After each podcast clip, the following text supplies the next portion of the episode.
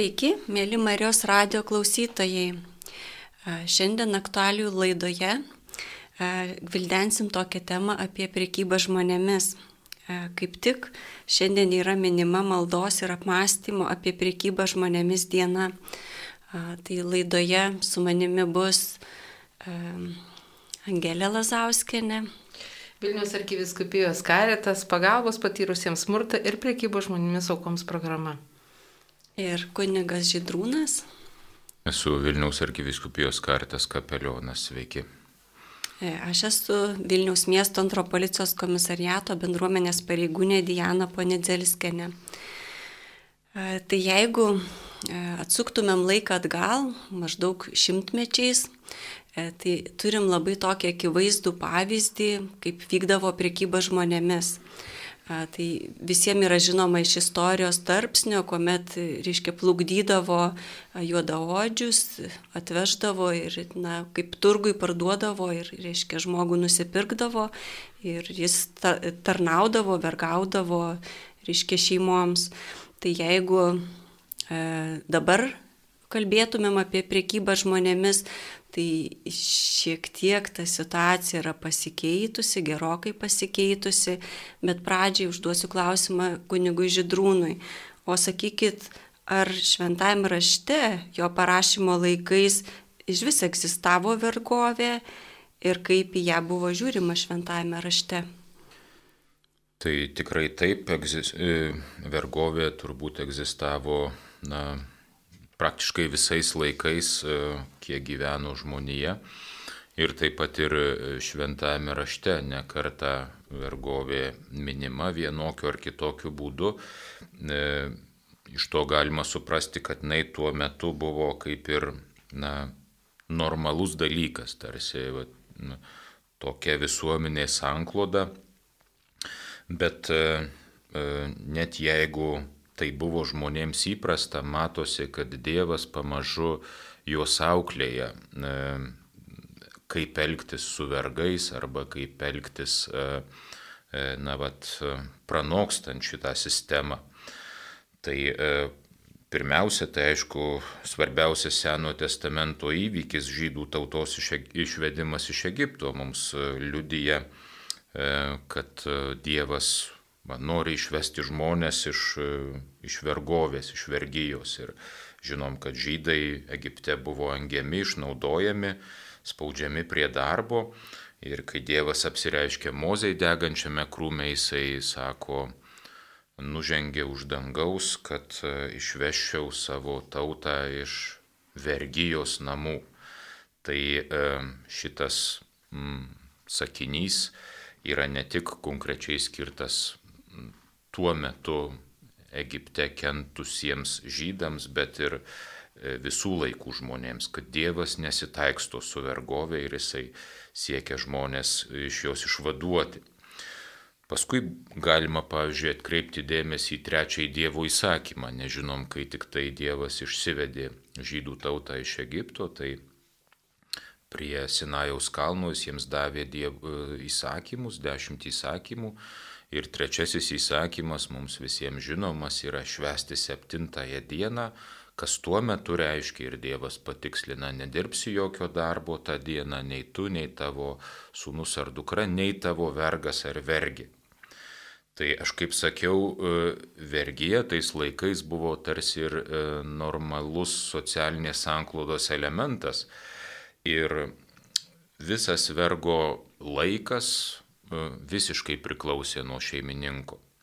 Žodžiu, jis galėjo su juo daryti, ką nori ir kada nori. Kada nori liepti dirbti, neleisti ilsėtis, neduoti valgyti. Žodžiu, tai buvo e, visiška priklausomybė nuo šeimininko. Ir kai Dievas sako, štai tuo metiniam šeimininkam, žiūrėk, vieną dieną tu neversi dirbti savo vergo, tai yra aš galėčiau sakyti, tai yra pirmasis socialinės apsaugos įstatymas, e, kai, kai žodžiu, Dievas rūpinasi dirbančių arba, nu, tuo metu vergaujančiųjų laisvalaikiu ne, ir, ir e, teisėtų poilsių.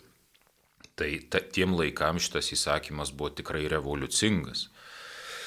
E, galų gale paskui, kai jau izraeliečiai ateina į pažado žemę, na, jiems patiems sakoma, kad žiūrėk, neskriausi ateivio, nes pats buvai ateivis Egipte ir žinai, ką tai reiškia.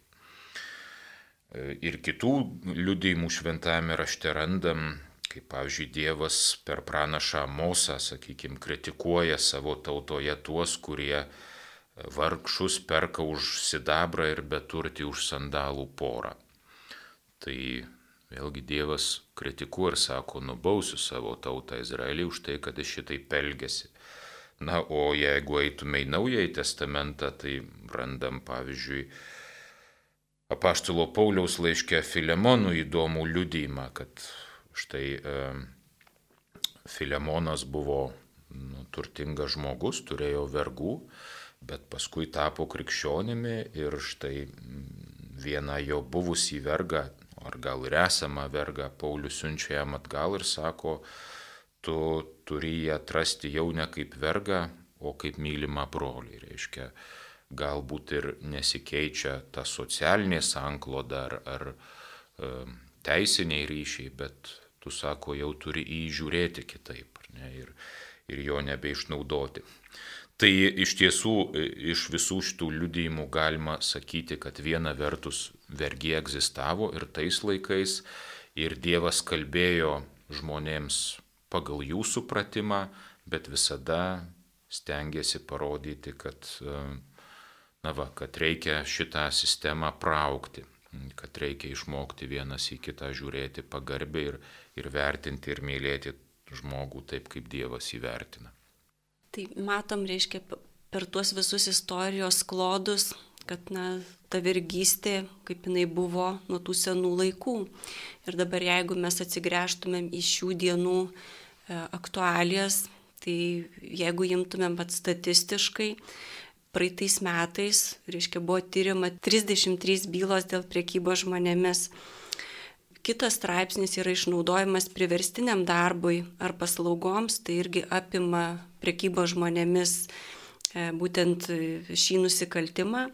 E, tai praeitais metais buvo 11 iki teisminių tyrimų ir dar kitas yra straipsnis, tai naudojimasis priverstiniu darbu ar paslaugomis buvo tyriamos trys bylos. Tai jeigu imtumėm bendrą skaičių, tai praeitais metais buvo 47 bylos dėl priekybos žmonėmis nusikaltimo.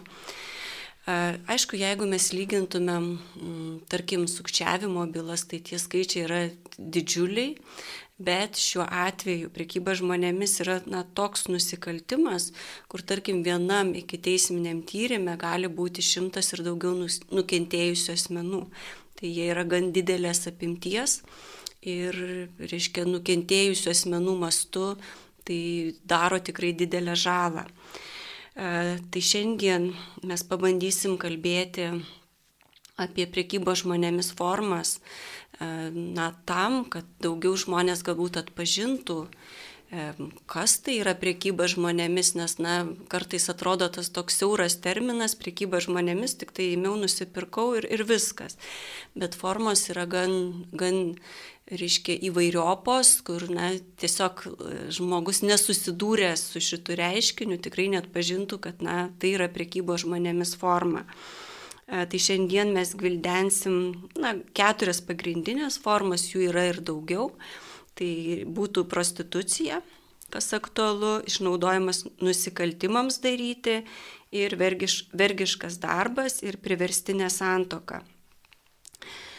E, galbūt e, pradžiai norėčiau paliesti, na, kas daugiausiai gal nukenčia nuo šitų nusikaltimų, tai pirmas momentas, kad yra taikoma į pažeidžiamus asmenis. Tai neliginant kokia tai forma galėtų būti, bet vis vien tai reiškia ar finansiniai tam tikri sunkumai, ar šeimininė padėtis sudėtinga, ar konfliktai namuose, kur nureikalauja tam tikrų sprendimų ir žmogus atsidūręs tam tikroj sudėtingoj situacijai, gavęs pasiūlymą, būna tai, kad sutinka, ne visai žinodamas, su kuo sutinka. Tai jeigu imtumėm prostituciją, norėčiau į ką atkreipti dėmesį. Tai tarkim, na, yra darbo pasiūlymas internete.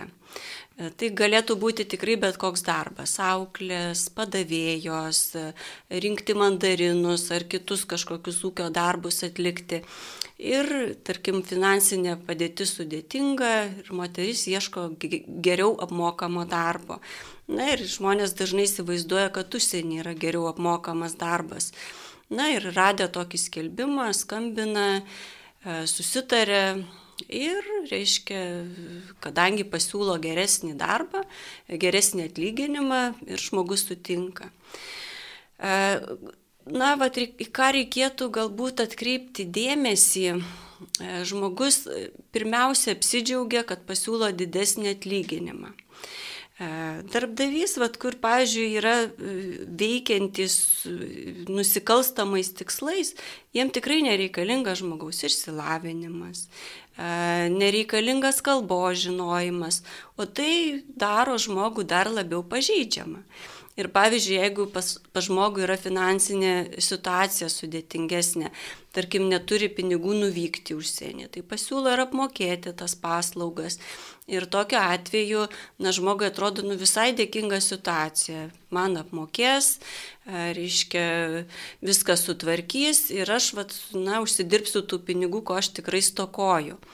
Tai čia reikėtų būti labai budriam šitose situacijose ir visą laiką tikrinti, reiškia, atsiliepimus apie darbdavį, ar iš vis tokia įmonė egzistuoja, ar, ar reiškia, koks tai darbo pobūdis bus, reiškia užsirašyti tikrai įmonės pavadinimą, nes dažniausiai net nepaklausiu, kokia tai įmonė bus, nes būna abstraktus telefonas ir na, prisistato, e, reiškia, tam tikrų firmų darbuotojais.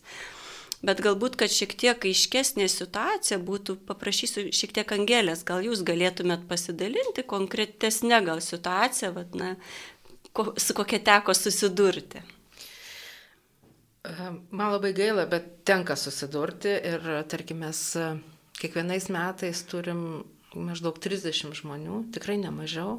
Praeitais metais turėjo, buvo 36 žmonės nukentėję nuo priekybo žmonėmis. Tai dėl to arti prieinam prie šitų atvejų ir prie tų žmonių.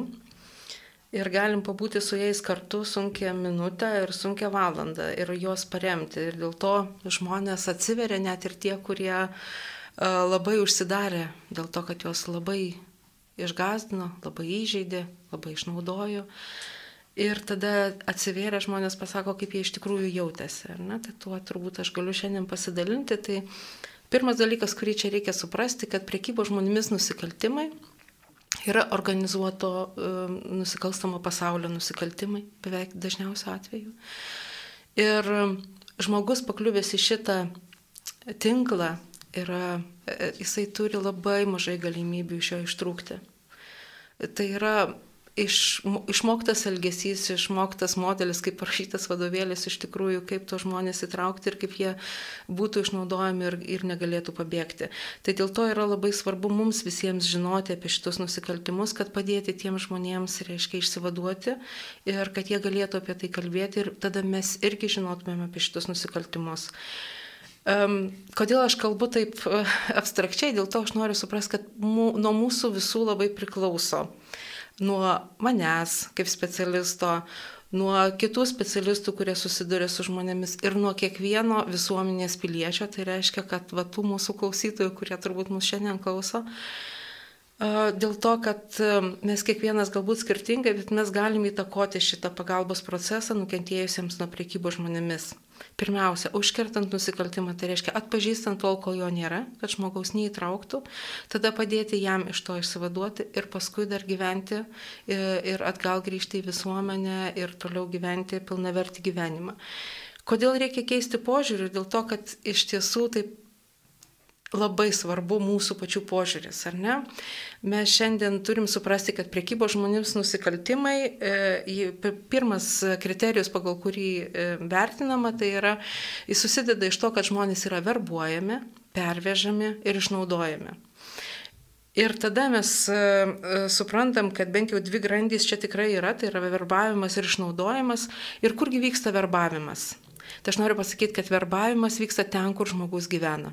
Tai jeigu ir išnaudojimas buvo kažkokio kitoj šalyje, arba ten, kur žmogus išvažiavo, arba dar kažkaip, nes turėkime omeny, kad tų, tų nusikaltimų vis daugiau yra Lietuvoje, tai verbavimas visada vyko ten, kur žmogus gyvena. Tai reiškia, ten, kur mes gyvename. Uh, gali būti prie jaunimo kažkokių susibūrimų vietų, prie mokyklų, gali būti prie bendruomenės kažkokių tai vietų, kur žmonės tiesiog e, susitinka, linksminasi arba tiesiog susitinka. Tai aš turiu omeny, kad Priekybo žmonėmis verbuotojai gali būti tie žmonės, kurie užaugo vaikų globos namuose, buvo mokyklos moksleiviai ir arba buvo tos bendruomenės nariai, jau nekalbant apie giminaičius, kurių irgi pasitaiko ir jie irgi daro nusikaltimus.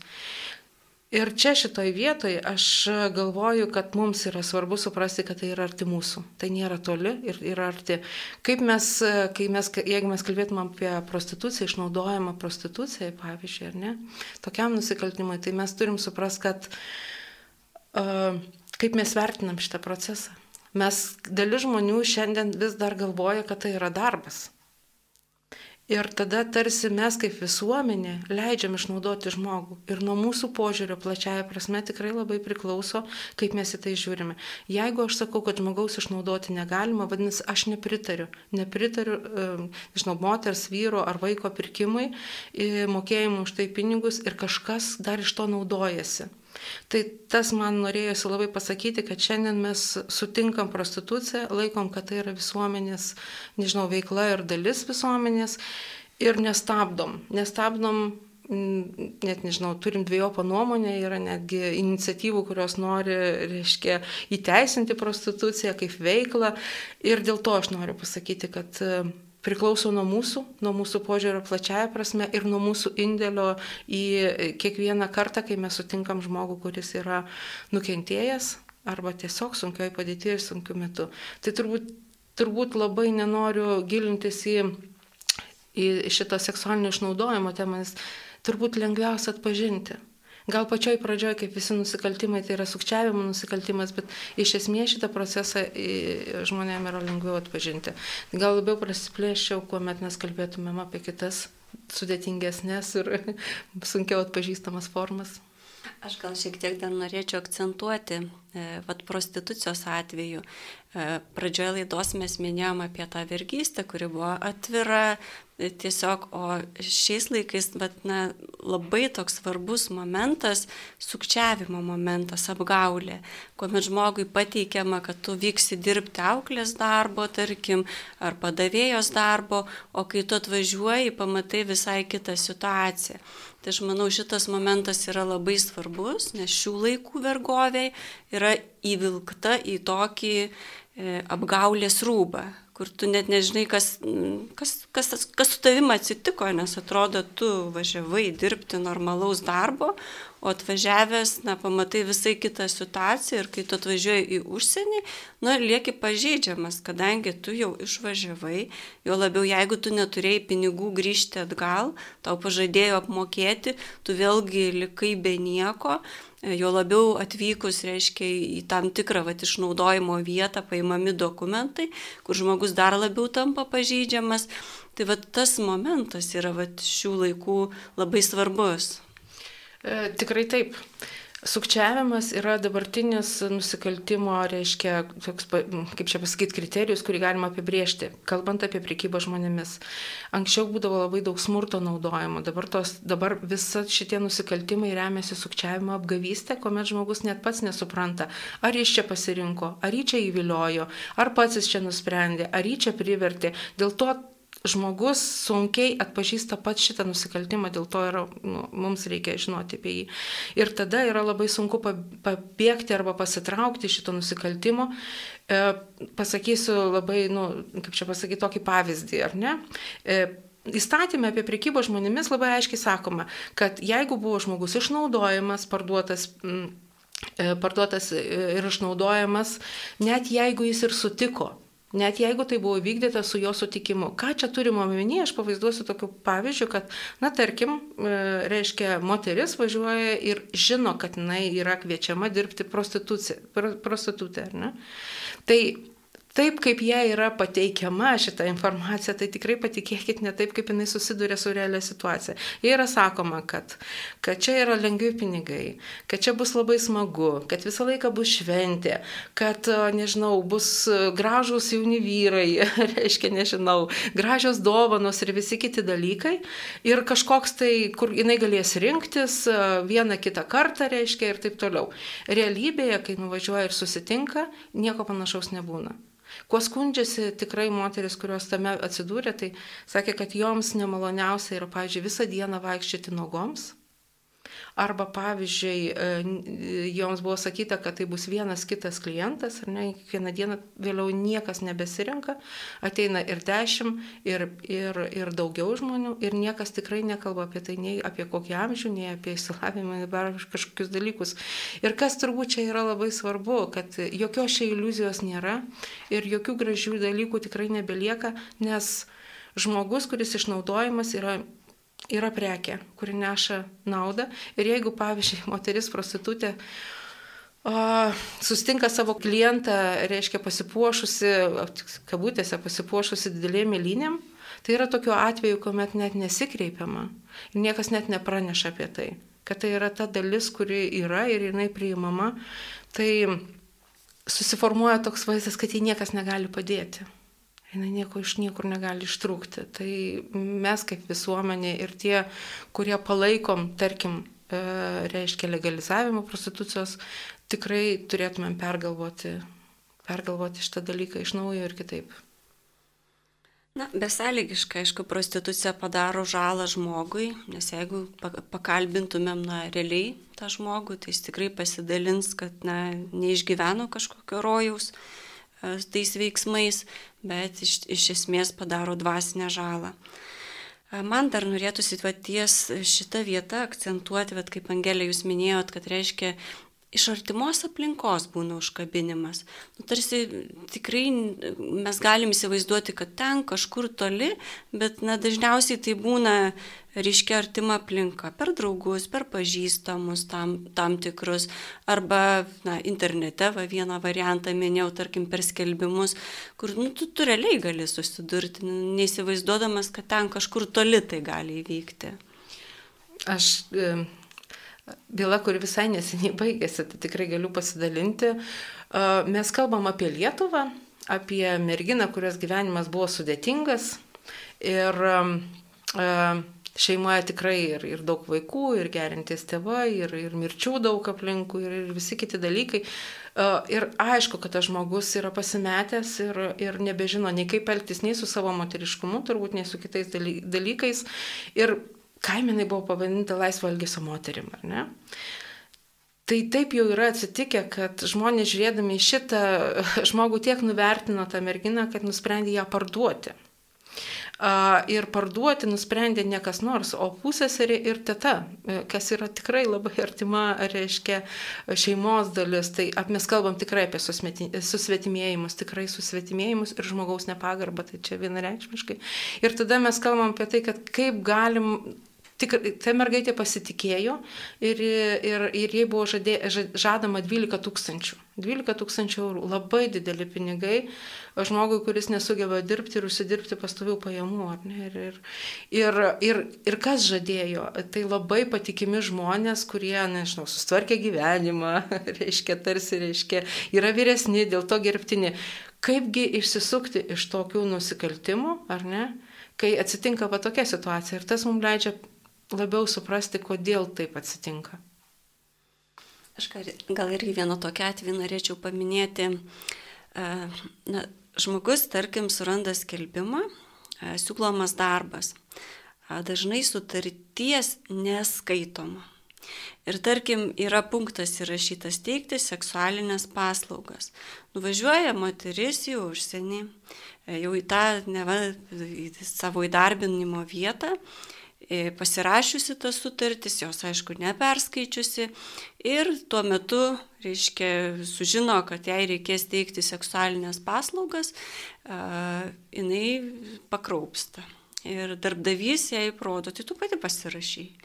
Tai čia toks irgi labai svarbus akcentas, kad neužmerkti akių, o pasiskaityti viską.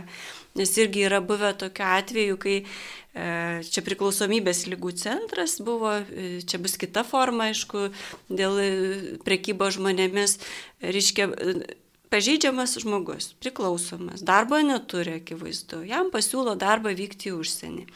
Ir, reiškia, sutartis, na, čia pasirašyk Na, laimė, kad jis gulėjo tuo metu priklausomybės lygų centre ir jis parodė savo socialiniai darbuotojai. Na, ir socialinė darbuotoja skaito dalis angliškai, dalis norvegiškai. Sako, man čia kažkas yra ne taip.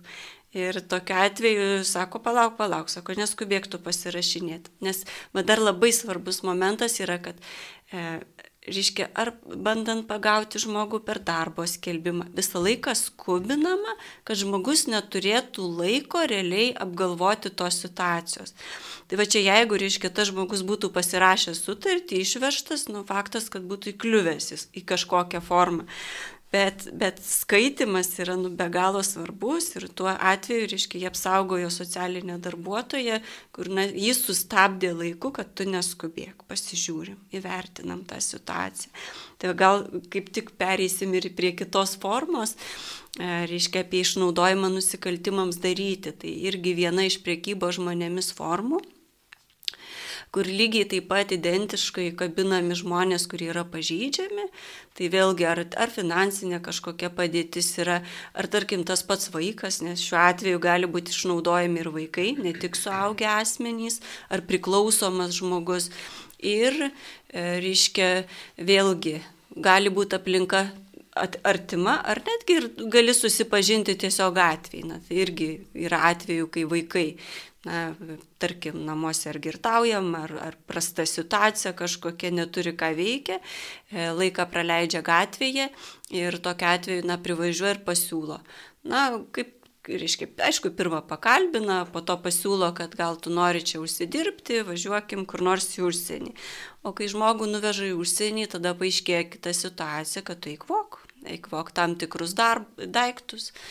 Tai va, tai čia vienas variantas, arba kitas variantas, tai irgi, pažiūrėjau, narkotinės medžiagas pervežti ar kontrabandą pervežti. Ir žmogus, na, pirmas dalykas prigrasinamas, vėl nuvežamas neaišku į kokią vietą, jis pažeidžiamas dokumentų, neturi ką sakys, kaip jis čia atsidūrė ir jis sutinka daryti tuos nusikaltimus. E, aišku, būna tokie kaip grasinimai, kad na tu čia darai dabar. Ir tada žmogus išsigasta ir nekalba, nusupranta, kad aš dariau tokią neigiamą veiklą, bet pagal įstatymą šiuo atveju tai yra priekybo žmonėmis forma, kur, kur tikrai neturėtų įsigasti iš toje vietoje. Čia yra tas metodas, kuriuo manipuliuojama šitais nukentėjusiais. Tai yra nusikaltėliai manipuliuoja žmonėmis. Tai tikrai yra daroma kad, ir, ir yra sakoma, kad tu pats tai pasirinkai, ar ne? Kaip dabar šitam žmogui, kuris važiavo vokti ir žinojo, kad važiuoja vokti, pavyzdžiui, ar ne, e, pasakyti, kad mane išnaudoja, ar ne? Kad aš esu auka, nukentėjęs šitam nuo šito e, nusikaltelio. Tai nepaprastai sudėtinga suprasti ir tada, kai žmogus nesupranta, kad gali kreiptis pagalbos, nes nukentėjo, jis jos nesikreipia. Ir tada šitie žmonės tiesiog labai ilgai išnaudojami, niekaip negali atsitraukti, ten su jais manipuliuojam.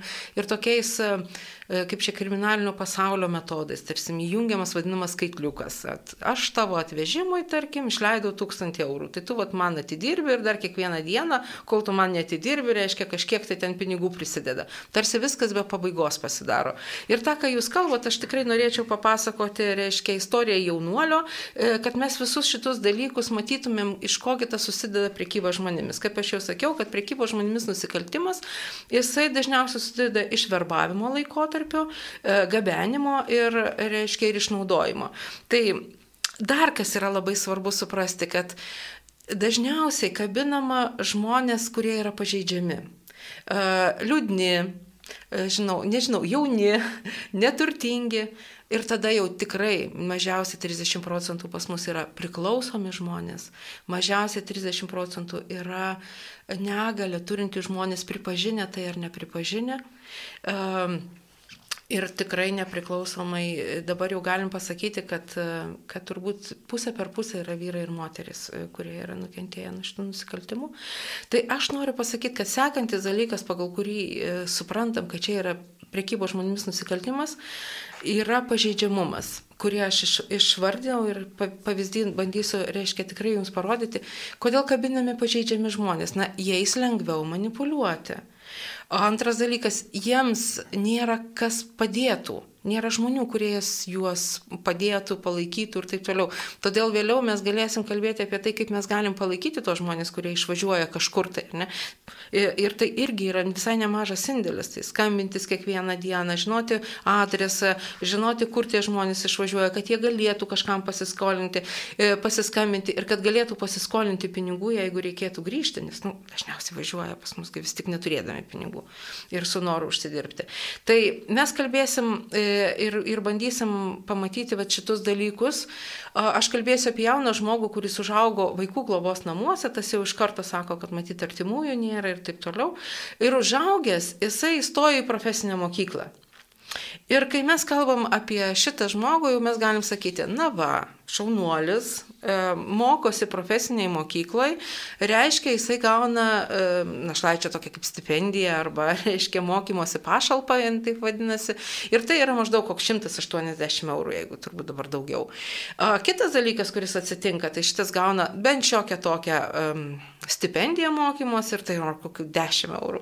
Jisai gauna bendrabūtį, kurį turbūt moka kelis eurus, nu, iki 10 ar ne, lengvatą pravažiavimui.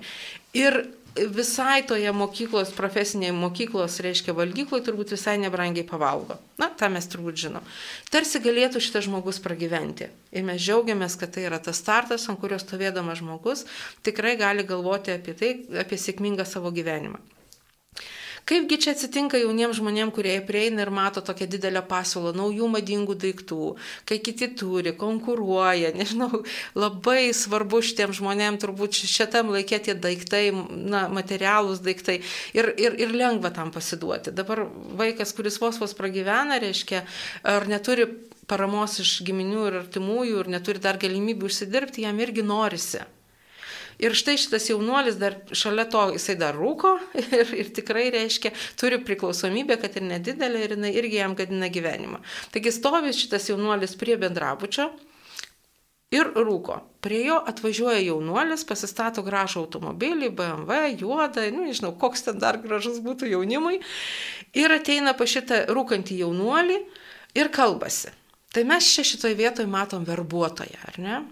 Tai yra, kad jis atėjo į tą aplinką, kur jaunuolis jaučiasi saugiai. Jisai savo namuose, iš tikrųjų, savo namo kieme, ar ne? Ir prieėjęs, reiškia, verbuotojas, jisai sako, ką, ką tu čia vargšas dabar turi? Nieko. Nu tikrai labai mažai turbūt, ar ne? Tada sekantį dalyką sako, jeigu tu išvažiuosi į užsienį, tu užsidirbsi labai daug.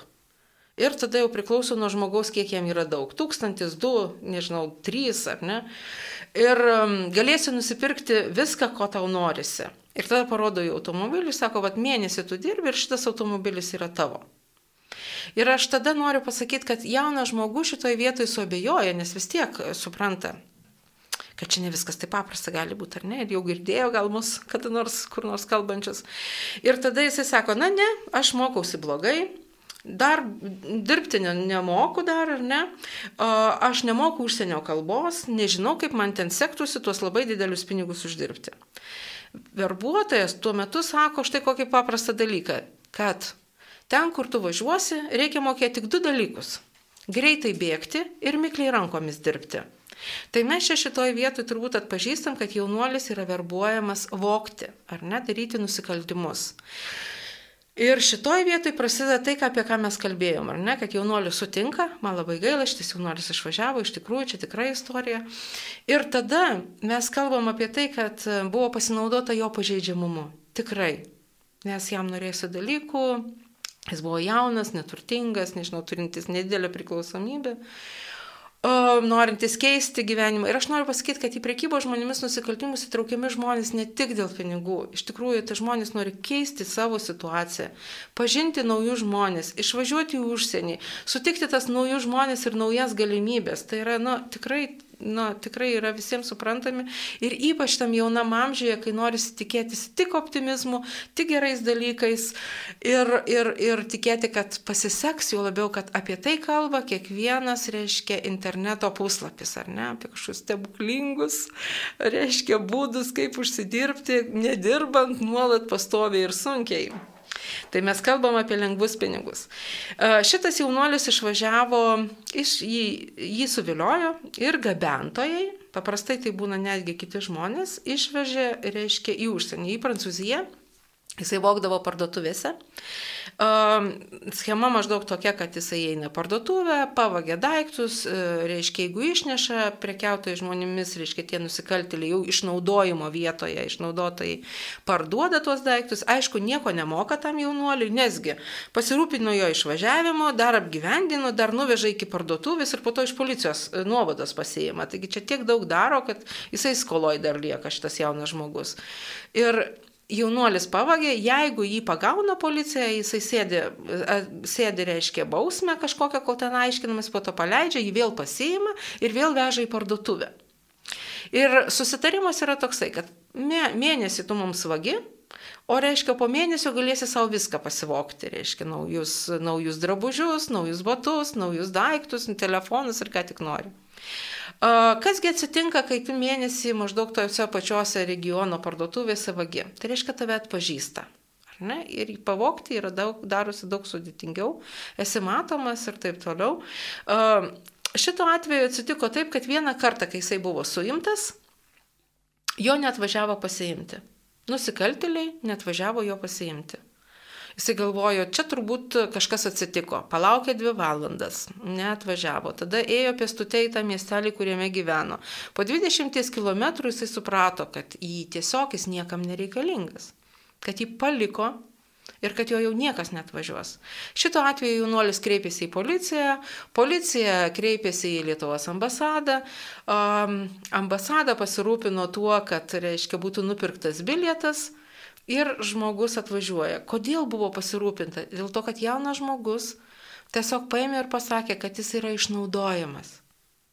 Ir dėl to jau buvo pasirūpinta. Ir jeigu atpažįsta, tai čia jau yra gerai. Ir čia nesuveikia tie nusikaltėlių, reiškia iš tikrųjų dalykai, kad jis pats kaltas, kad pats čia rinkosi. Nebūna taip iš tikrųjų. Ir šituo atveju jisai kreipėsi pagalbos, jam jinai buvo suteikta. Taigi, kai oro uoste sutikom šitą jaunuolį, tai jisai neturėjo nei tų nuostabių, puikių daug daiktų, buvo nevalgęs ir tikrai neturėjo daug pinigų. Mes kalbam apie tai, kad grįžęs į savo gimtąjį miestą, jis neturėjo nieko. Jis buvo išmestas iš profesinės mokyklos, išmestas iš bendrabučio, negavo tų pašalpų, kurias besimokydamas gauna ir negavo visų tų lengvatų, tai reiškia ir gyvenamosios vietos. Ir tada va šitas žmogus atsiranda gatvėje. Taip kad kelias tikrai yra trumpas ir labai labai užsuktas. Šito atveju buvo, mes matom sukčiavimo nusikaltimą, kuomet buvo labai daug pažadėta, O rezultatas, su kuriuo susidūrė šitas senas žmogus, buvo labai apgailėtinas ir greunantis. Tai, kad jisai atpažino priekybo žmonėmis nusikaltimą, tai, kad jis pasakė apie tai, jį išgelbėjo, nes šito atveju e, e, socialinės tarnybos kreipėsi ir žmogus toliau mokosi profesinėje mokykloje ir turi visus dalykus. Ir čia yra svarbu. Tai mes per šitą pavyzdį galim pamatyti tuos tokius pagrindinius kriterijus, e, e, kriterijus, kuriuos, reiškia, atpažįstam priekybos žmonėms nusikaltimai ir jisai yra. Dar yra vienas kriterijus, kurį aš labai noriu paminėti ir, ir pasakysiu, tai yra valios palaužimas. Valios palaužimas reiškia, kaip priversti žmogų, kad jisai darytų tai, kas, kas, kas man norisi, kad jis darytų, ar ne? Tai šituo atveju jaunuolis pasako iš tai kokį dalyką. Sako, man ausis skauda. Aš tada jo klausiu, kodėl tau ausį tas skauda, gal tau kas nors užvažiavo ar dar kažkaip kaip, kaip vogiai. Jis sako, ne. Tiesiog sako, aš sirgau, tai jokio viešbučio ten nuostabaus tikrai nebuvo. Bet kai aš sirgau, sako, mes visi mėgojom ant grindų, o prižiūrėtojas, reiškia, tas prekiautas žmonėmis ant sofos. Tai sako, aš blogai jaučiausi ir atsiguliu ant sofos, nusikaltėlis labai supyko, nu, numetė mane ant žemės ir pašokinėjo ant galvos. Tai mes turim čia šitoje vietoje suprasti, kad čia yra smurtas, kad čia yra grasinimai, kad čia yra gazinimas ir iš to pabėgti, išeiti ir taip labai lengvai nėra taip paprasta. Tai mes kalbam apie tai, kad tai yra tikrai naudojamas smurtas ir labai didelis šitie metodai yra nusikaltimai nusikaltėlių naudojami kalėjime. Tai aš kalbu, kad viskas yra apie išnaudojimą. Tai turbūt tiek tokių pavyzdžių, per kuriuos galima būtų pamatyti priekybo žmonėmis nusikaltimus. Žiūriu, laikas mus spaudžia. Gal trumpai tada apie vergišką darbą. Tai principai vis tiek yra tie patys. Reiškia, pažydžiamumas taikomas, kelbimai, irgi išnaudojama, reiškia, darbams tam tikriems gali būti statybose, ūkio darbuose. Ir žmogus, reiškia, išvežamas dirbti, bet atlyginimo negauna. Ir ką, ką akcentuoja? Akcentuoja, kad skola, kad tu man skolingas. Tai vad pirmas dalykas, ką reikėtų atkreipdėmėsi neužkliūt lengvais pasiūlymais, kad siūlo tave nemokamai nuvežti, apgyvendinti, apmokėti viską. Nes čia e, būtent atsiranda tiem prekiautėm žmonėms tokia oazė, kur grasinti, išnaudoti, sakyti, kad tu man skolingas. Ir va, kaip Angelė labai gražiai minėjo, tie grasinimai tai yra priemonės, kad palaužti žmogaus valią, kad tu bijotum. Nes jeigu žmogus atpažįsta ir kalba, tai iš esmės, nu, tu paviešini blogą darbą to, to reiškia žmogaus. Tai labai trumpai galbūt, ką mes galėtumėm padaryti šitoj situacijoje, kad, na, nebūtų tokių nusikaltimų, gal kunigė žydrūna jūs tada. Na tai pirmiausia, žinoma, kaip ir šita diena vadinasi maldos ir apmąstymo, tai e, reikia apmastyti, va, įsiklausyti visas tas priežastis ir paskui, žinoma, mm, galvoti, kad tai ir mane ar mus kažkaip liečia. Ne? Ir net jeigu aš pats nesu tos prekybos žmonėmis auka ir jeigu aš e, nedalyvauju ten kaip nusikaltėlis, tai vis tiek negaliu sakyti, kad tai nėra mano reikalas, nes šiaip tai meilė artimų ir pagalba žmonėms atsidūrusiems bėdoje yra mūsų krikščioniško tikėjimo dalis. Iš tiesų tai krikščionys nuo pat pradžių e, suprato, kad jie turi rūpintis vargšais ir kažkaip kitaip neįsivaizdavo savo tikėjimo į Kristų. O amžinatelis į popiežius Benediktas e, savo enciklikoje E, sakė, kad e, yra trys esminės krikščioniško tikėjimo sritys. Tai tikėjimo šventimas, paskui jos kelbimas ir liudijimas ir artimo meilės tarnystė, trečia dalis. Ir jeigu kurios nors iš jų trūksta, tai mūsų tikėjimas, na, arba nepilnas, arba net ir negyvas. Tai e, žinoma, reikia melstis, reikia Dievą skelbti, bet reikia taip pat ir jam tarnauti pasilenkiant prie, prie na va, skurstančių arba kažkokį tai smurtą patyrusių. Tai žinoma, e, ne visada turbūt galim padėti pilnai ir man čia svarbus atrodo e, sesers Faustino, šventosios sesers Faustino žodžiai, kad sako, ten kur galėsiu, pirmiausia padėsiu veiksmu. Jeigu negalėsiu veiksmu, padėsiu žodžiu nes turbūt žodis irgi ypač tokiems va nuo prekybos nukentėjusiems jis kartais reikalingas tiesiog padrasinimo žodis arba įvertinimo, kad nesvarbu, kad tavim pasinaudoja, bet tu esi žmogus, ne Dievas tave vertina, kiti tave vertina. Na, o paskui sesuo Faustina sako, jeigu negalėsiu padėti nei veiksmų, nei žodžių, tai padėsiu malda, nes malda siekia ten, kur aš savo jėgomis pasiekti negaliu ir už tai matyti šitą dieną bažnyčioje ir vadinasi ne tik apmąstymo ir ne kaip nors kovos, ne, bet maldos pirmiausia diena. Ne. Tai, tai va. O antras turbūt dalykas, e, kad e, va tą matom ir, ir ankstyvosios bažnyčios istorijoje ir netgi jau šventame rašte atpažįstam apie pirmą krikščionių bendruomenę, kad e, krikščionys suprato, kad jie tą pagalbą turi teikti ir organizuotai nestruktūruotai, kad ne tik tada, kai yra proga ir tiek, kiek aš turiu jėgų, bet turiu susitelkti, ar ne? Tai man atrodo, čia labai svarbu ir, ir žinoti, kad aš pats ne visur galiu padėti ir turiu arba žmonės nukreipti į organizacijas, arba pats jungtis į organizacijas, kiek, kiek man leidžia galimybės, kad, kad prisijungčiau prie tos pagalbos, nes iš tiesų čia pagalba reikalinga ir, ir profesionali, ir, na, ir tokia stipri, nes jeigu yra tinklai ir organizacijos, kurios žmonės įtraukia į šitą dalyką, tai vienas žmogus jo ir neištrauks iš ten. Čia irgi reikia tinklo ir organizacijos, kuri ištrauktų. Ir turbūt čia va, ir bažnytinės organizacijos e, pasitarnauja kaip, kaip e, štai karito padalinys, kuriame jūs, Angelė, dirbat ir gal apie kitas galit užsimint. Taip, taip. Pirmas dalykas, kuris, nu, vat, svarbu, tai žinoti, atpažinus šitą nusikaltimą, paimti už rankos ir atvesti iki pagalbos. Ir tada eina kalba apie tai, kad mes, galim, mes visi kaip visuomenė, policija ir bažnyčia bendradarbiaujam šventos mortos judėjimo pagrindu, ar ne, tai reiškia, kad mes visi kovojam prieš šio laikinę vergovę.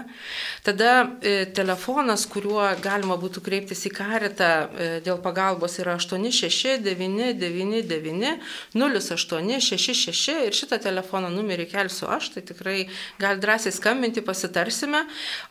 Visoje Lietuvoje veikia nacionalinė asociacija prieš priekybą žmonėmis yra nemokamas telefonas 8 800 91 119 ir pakels ragelį tikrai nukreips į organizaciją, kuri tame regione veikia ir bus arti tų žmonių ir tikrai ateis į kontaktą, susitikimą tam, kad atpažinti ir padėti. Kai mes kalbam apie pagalbą, mes kalbam apie advokato nusamdymą ir palydėjimą, teisminį atstovavimą, apie psichologo konsultacijas ir socialinį darbuotoją, kuris suteiks ir emocinę paramą nuvykti į teismo posėdį ir taip toliau. Tai mes kalbam apie vis, visapusišką ir tokią kompleksinę pagalbą. Tai turbūt e, tiek norėčiau pasakyti.